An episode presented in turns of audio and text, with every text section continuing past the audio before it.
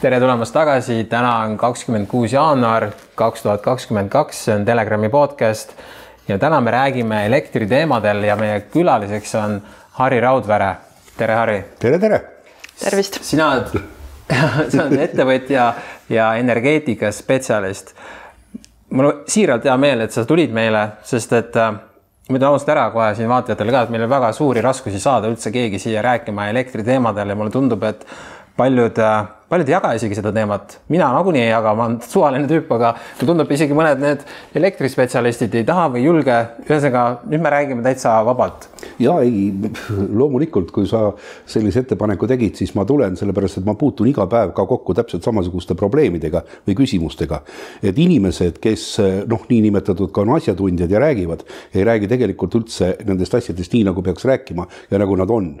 ja, ja mul on ka selline noh, nagu päris kurb tunne, et kui ma sain sinu käest ette need küsimused, et noh, et millest me nagu tahaksime rääkida ja et kas ma oleksin nõus nendest rääkima, siis alguses noh, ma tõesti alguses natuke muigasin, mõtlesin, et noh, et need on, need on ikka nii lihtsad küsimused, aga samas, kui ma nüüd tõin nagu paralleeli välja ja vaatasin, vaatasin, et, et meie inimesed tegelikult ei teagi paljudest asjadest midagi, siis tulebki rääkida võib-olla väga lihtsalt, populaarteaduslikult, arusaadavalt, et ütleme niimoodi, et keskmine inimene, kes tegelikult oleks pidanud ju koolis saama füüsikat õpitud, kellel oleks pidanud olema eh, piisavad teadmised no ei pruugi nendest asjadest enam mitte midagi teada, kas ei mäletanud või ei õppinud või oli füüsika üldse üks kole, kole asi.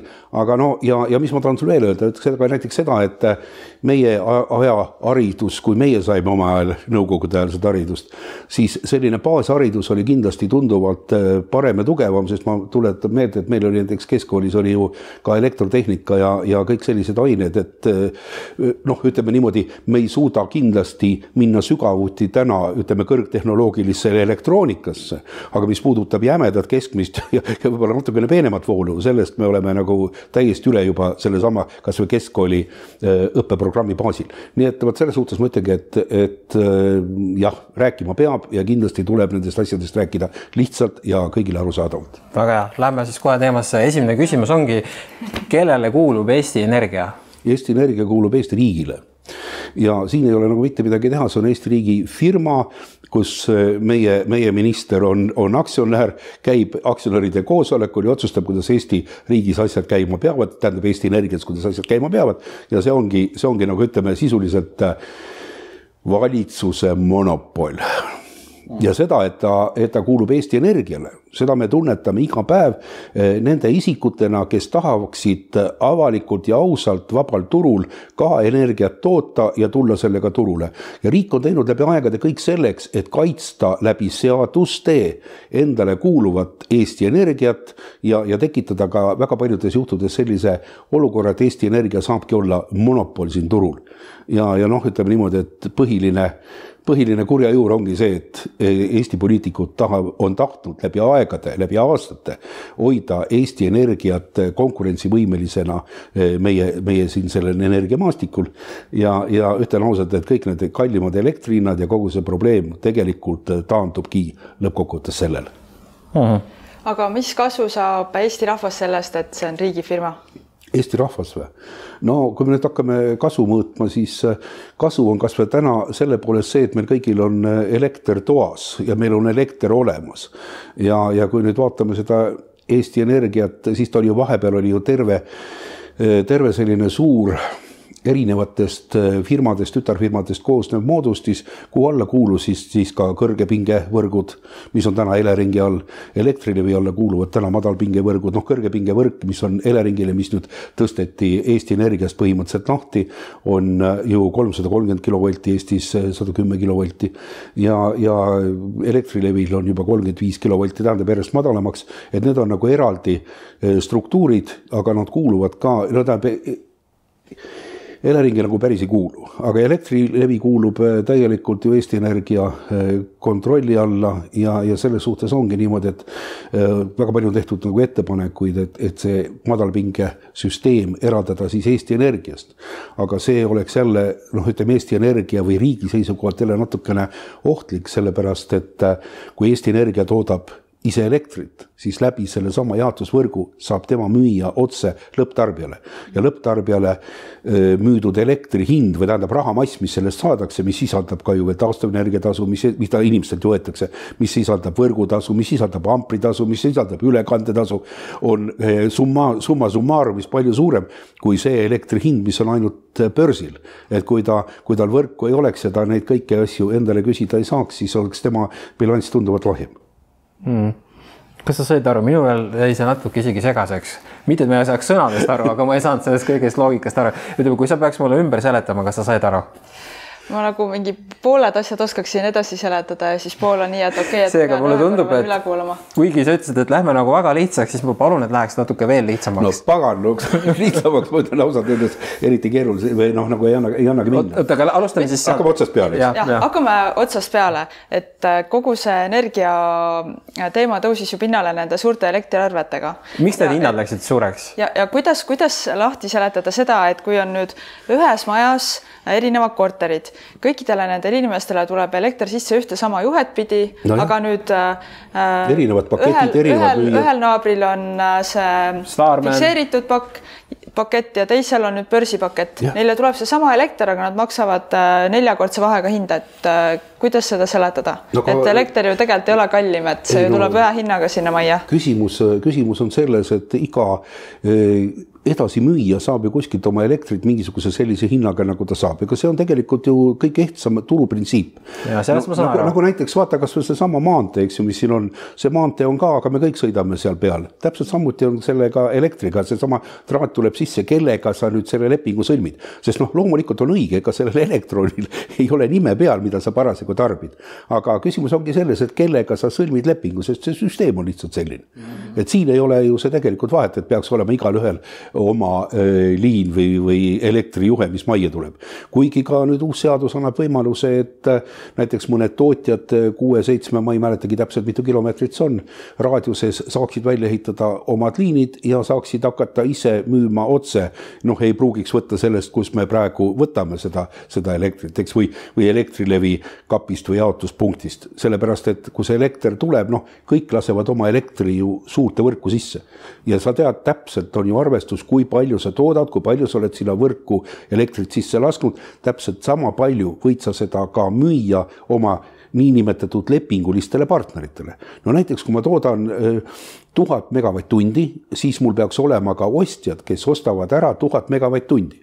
aga me laseme selle elektri, mis me toodame sinna tsentraalvõrku ja kui sa tahad minu elektrit osta, sa tahad minu paketti valida, siis eh, me teeme omavahel lepingu ja sa saad sellest üldisest selle niinimetatud nimeta elektroni või, või, või nimelise elektroni saad sa iseendale siia ja, ja noh, niimoodi ongi, maksad raha mulle ja, ja võrk töötab kõigi jaoks võrdselt. vot täpselt nii, nagu see tee, mis siit aknad mööda läheb mm. -hmm. aga miks need hinnad kalliks läksid järsku? vaata, kui ma sulle päris ausalt ütlen, siis äh, selle kohta liigub igasuguseid linnalegende, miks need hinnad kalliks läksid. sellepärast, et äh,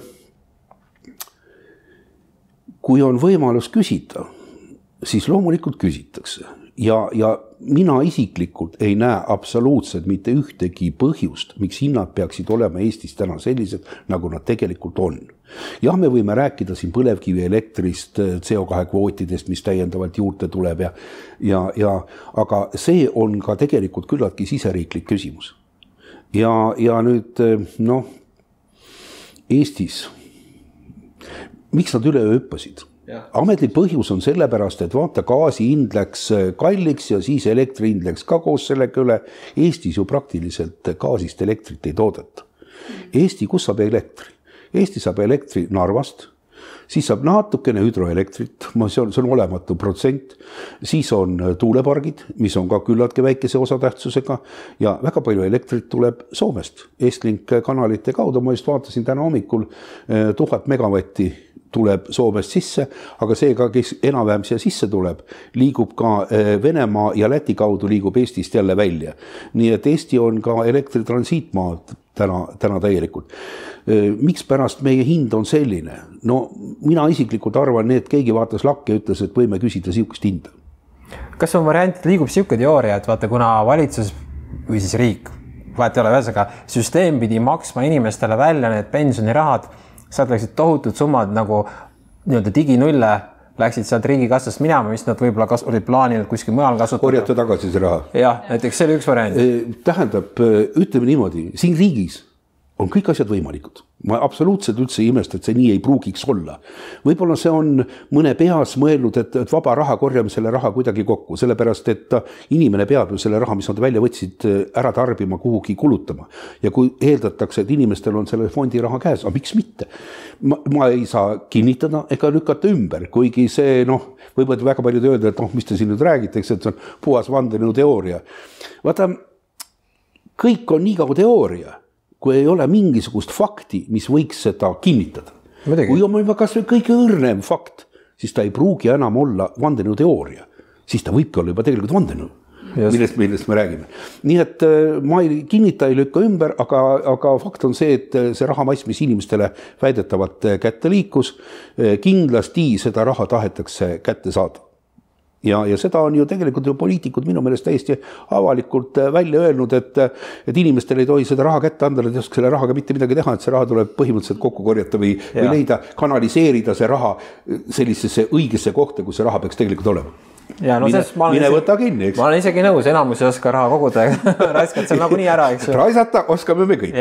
see on selge. et ja. pigem siis nagu riigikassasse, selles suhtes ma saan loogikast aru nagu. ta tuleb läbi, elektri hinna tuleb äh, loomulikult riigikassasse ja, ja äh, Eesti Energia maksab ju Eesti riigile dividende ja, ja ta on, ütleme niimoodi, et täna Eesti Energia on ju Eesti riigi lüpsilehm sõna otseses mõttes ja mida rohkem ja rammusamad piima ta annab, seda õnnelikumad on need poliitikud, kes saavad seda raha kasutada ja seda raha väidetavalt, väidetavalt ühiskonna hüvanguks ümber jagada mm. ei, ei, ei kinnita, ei lükka ümber, aga, aga, aga fakt on see, et riigikassat ju põhimõtteliselt ka niimoodi täidetakse läbi maksude ja läbi ka nende ettevõtete, mis siis toodavad riigile kasumit. Mm et ühesõnaga, kui riik tahaks, siis ta saaks teha siuksed nii-öelda normaalsed elektrihinnad tagasi, eks? jaa, sellepärast et siin on väga palju erinevaid võimalusi, kui me nüüd vaatame, kuidas Elering just oma selle transiidi pärast kilkas, kui palju ta on teeninud kasumit ja alles hiljuti jooksid minult läbi laua pealt läbi uued hinnakirjad, millega siis elektrit vahendatakse või elektrit punktist A punkti B toimetatakse. Nende, need, kes võrku omavad, et võivad siis selle läbi lastud ühe megavatt-tunni eest küsida tunduvalt suuremat hinda. ja, ja noh, kui me nüüd vaatame seda, tekib küsimus, aga, aga miks? sellepärast, et mis siis juhtub näiteks võrguga, kas siis äh, kui me laseme sealt läbi, ütleme, lasime enne voolu läbi näiteks tuhat megavatti ja laseme hiljem no mõne aja pärast läbi, kas siis selle läbilaskmise kvaliteet muutus? noh, saad aru, kui mingi asi läheb paremaks, siis võib küsida tema käest nagu paremat hinda. mitte midagi muutunud ei ole, täpselt sama on nagu sellesama öö ja päevatariifiga.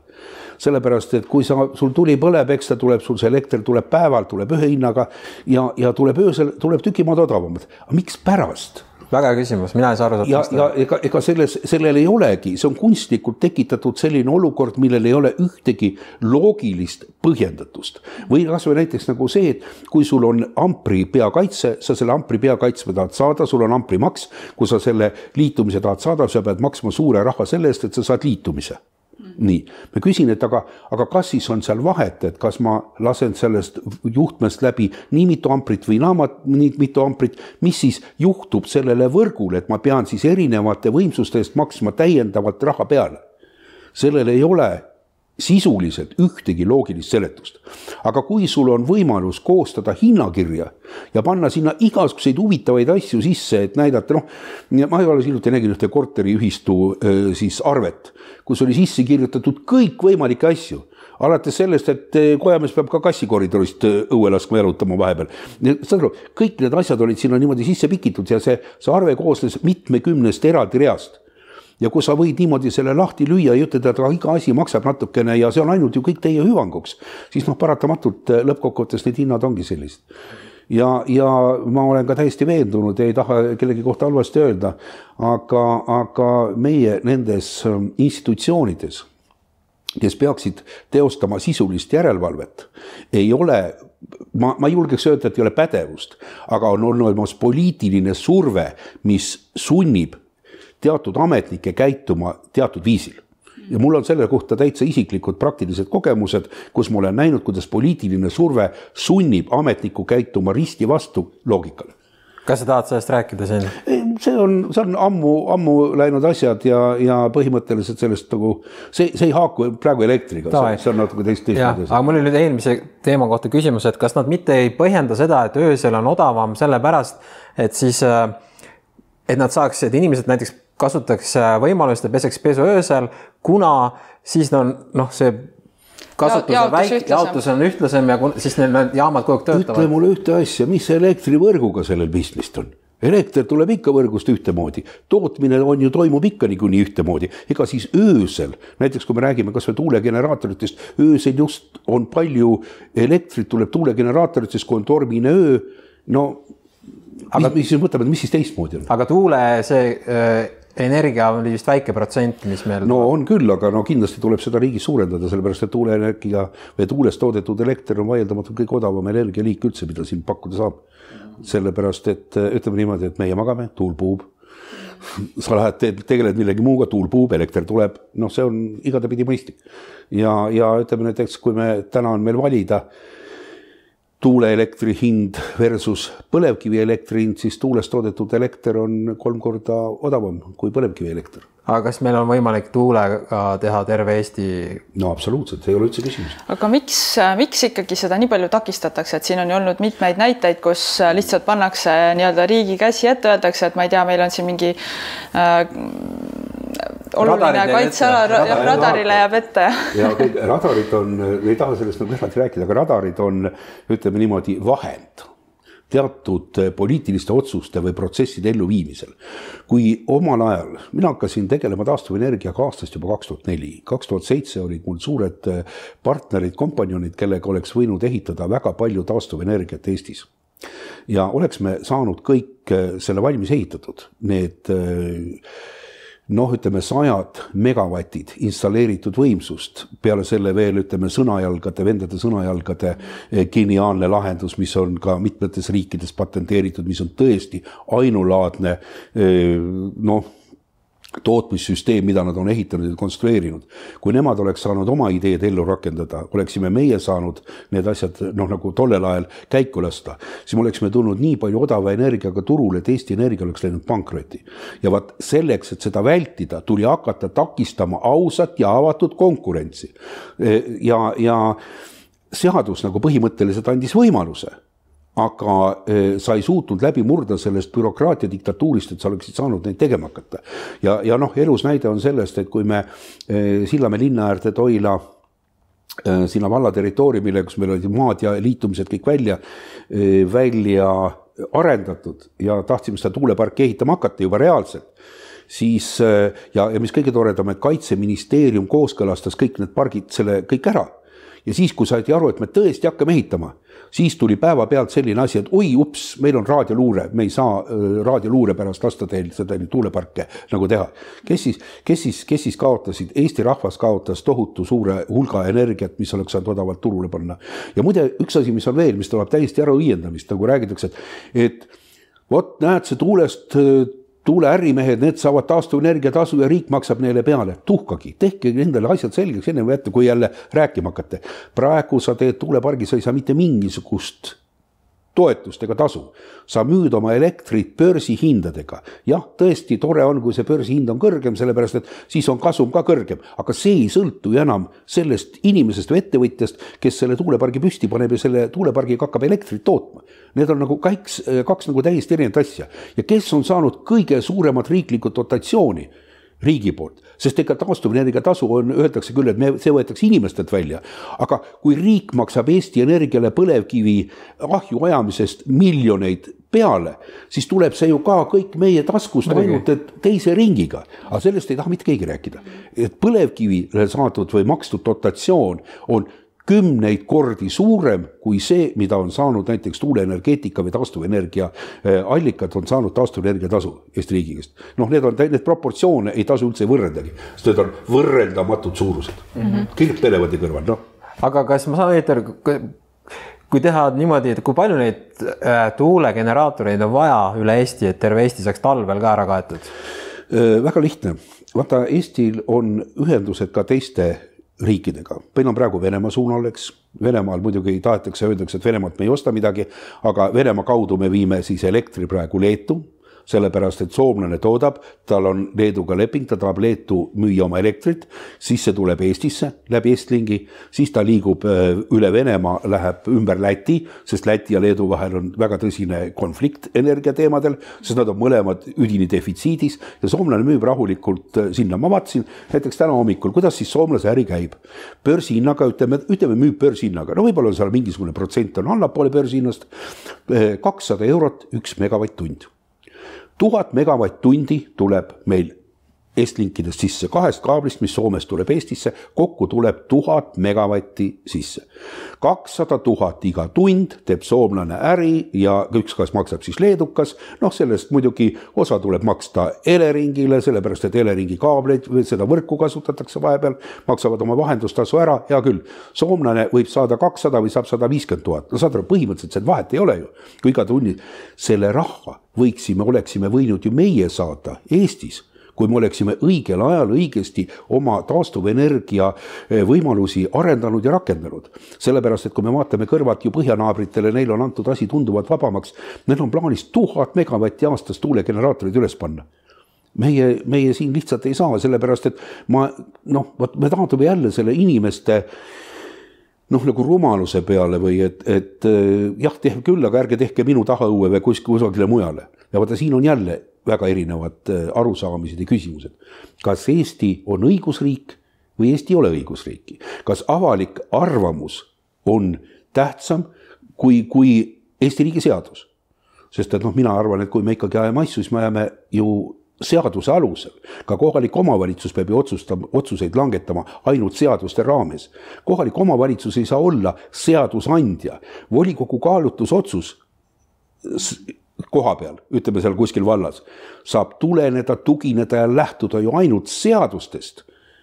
ja kui, ja kui on põhimõtteliselt keegi, kes midagi tahab, kelle tegevus on legaalne, vastab seadustele, kus kõik riiklikud institutsioonid on tema tegevuse heaks kiitnud, siis ei saa keegi kõrvalt öelda, et mulle ei meeldi. ja vot siis me seda asja niimoodi ellu viia ei saa. noh, banaanne labane näide, ütleme su naine on kole kui kurat, ta ei meeldi mulle, aga mis ma teha saan? ma ei saa ju teda takistada, noh, et tule mul tänava peale vastu, ütle, et sina ei tohi siin käia. täpselt sama on tuulegeneraatoriga, kui sul on maa, sul on liitumine, sul on õigus, sa ei sea oma kaaskodanike elu ja tervist ohtu. sellepärast, et kõik need kriteeriumid on ju seadustes fikseeritud, mida sa pead järgima, kui sa tahad sellist asja ehitada ja teha. või noh, näiteks teine asi veel, me räägime siin talumustasust, et kõik tahavad hirmsasti saada noh, mulle meenutab see kangesti üheksakümnendaid, mille ma suurepäraselt üle elasin koos äh, nende noh, hundiseaduste ja, ja kauboi-kapitalismiga. no seal käis see asi põhimõtteliselt täpselt niimoodi, ahaa, sul on, tuleme, pakume sulle katust, võtame su käest midagi ära, sa pead maksma, et sa siin üldse hingata saad, eks ju. no me oleme seda kõike näinud. praegune see kompensatsioon, mida siis küsitakse, ütleme nagu taluvustasu ja mida siin suured poliitikud kõik räägivad, oma olemuselt on ju samasugune. kujutage ette, et noh, see on printsiip, mul on maja mere ääres. mul on seal veel kaks kinnistut vahelt. siis tuleb üks naabrimees, ütleb, et ma kasvatan, panen sinna nüüd metsa ette ja kui sa kujutad ette, ma ei näe enam seda merd, sellepärast et tema mets kasvab ette. ma võtan kätt, hakkan protestima, ma tahan saada kompensatsiooni selle eest, et, et see mets sinna vahele kasvab no kas te saate, kas lollemaks saab enam minna? see on jabur, ma saan aru sellest. no aga, aga me elamegi sellises jaburas ühiskonnas. okei okay mul on üks küsimus siiski veel nende generaatorite kohta, lihtsalt ma üritan aru saada, kui hetkel on need generaatorid on seal Ida-Virumaal ja seal läänerannikul ja siis saartel veidi. ja see võib-olla teeb äkki kümme protsenti Eesti sellest. no see on praegu väga vähe marginaalne, sellepärast et ütleme, need generaatorid, mis on, on moraalselt ja tehniliselt täna vananenud. kui tolle aja generaatorid, mis meil siin üleval on, toodavad keskeltläbi kakskümmend kaks, kakskümmend viis, no parema aastaga kolmkümmend protsenti sellest nimivõimsusest, tema tootlikkus on kolmkümmend protsenti installeeritud nimivõimsusest. vaata noh, ma räägin, püüan seda rääkida niimoodi, et ütleme, tuulegeneraator paneb püsti. ta on kahe megavatine näiteks. kui palju, kuidas ta töötaks, kui me teaksime, kui ta sada protsenti töötaks, me korrutaksime kakskümmend neli tundi, korrutaksime kolmesaja kuuekümne viiega ja korrutaksime kahe megavatiga ja siis me teaksime, mitu megavatt-tundi on võimalik sellel tuulegeneraatoril aasta jooksul toota tegelikult sellepärast, et tuul kõigub, tuul on väiksem, tuulegeneraator tood-, tood-, toodab peaaegu kogu aeg aga, aga selle arvelt toidab ta kuskil kakskümmend, kakskümmend kaks protsenti, kakskümmend viis protsenti, need vanemad, eks. aga vendade Sõnajalja tuulegeneraator, mis on nende tehnoloogia järgi tehtud, töötab aastas viiekümne protsendi kasumiga. ja kui me täna vaatame et Eestis noh, ütleme kõige rohkem oleks reservi noh, tuhat viissada megavatti, mis peaks olema, siis kui selleks on installeeritud kaks korda rohkem tuulegeneraatoreid ja kui tuult on hästi palju siis akumuleerida seda, toota näiteks kas või kõige lihtsamalt elektrolüüsi teel toota veest vesinikku ja kasutada vesinikku siis, kui tuult ei ole, oleks see tsükkel täielikult reaalne, loogiline ja, ja paigas. noh, ütleme näiteks väga palju selliseid avastusi, mis on alguses öeldakse, no see ei ole võimalik.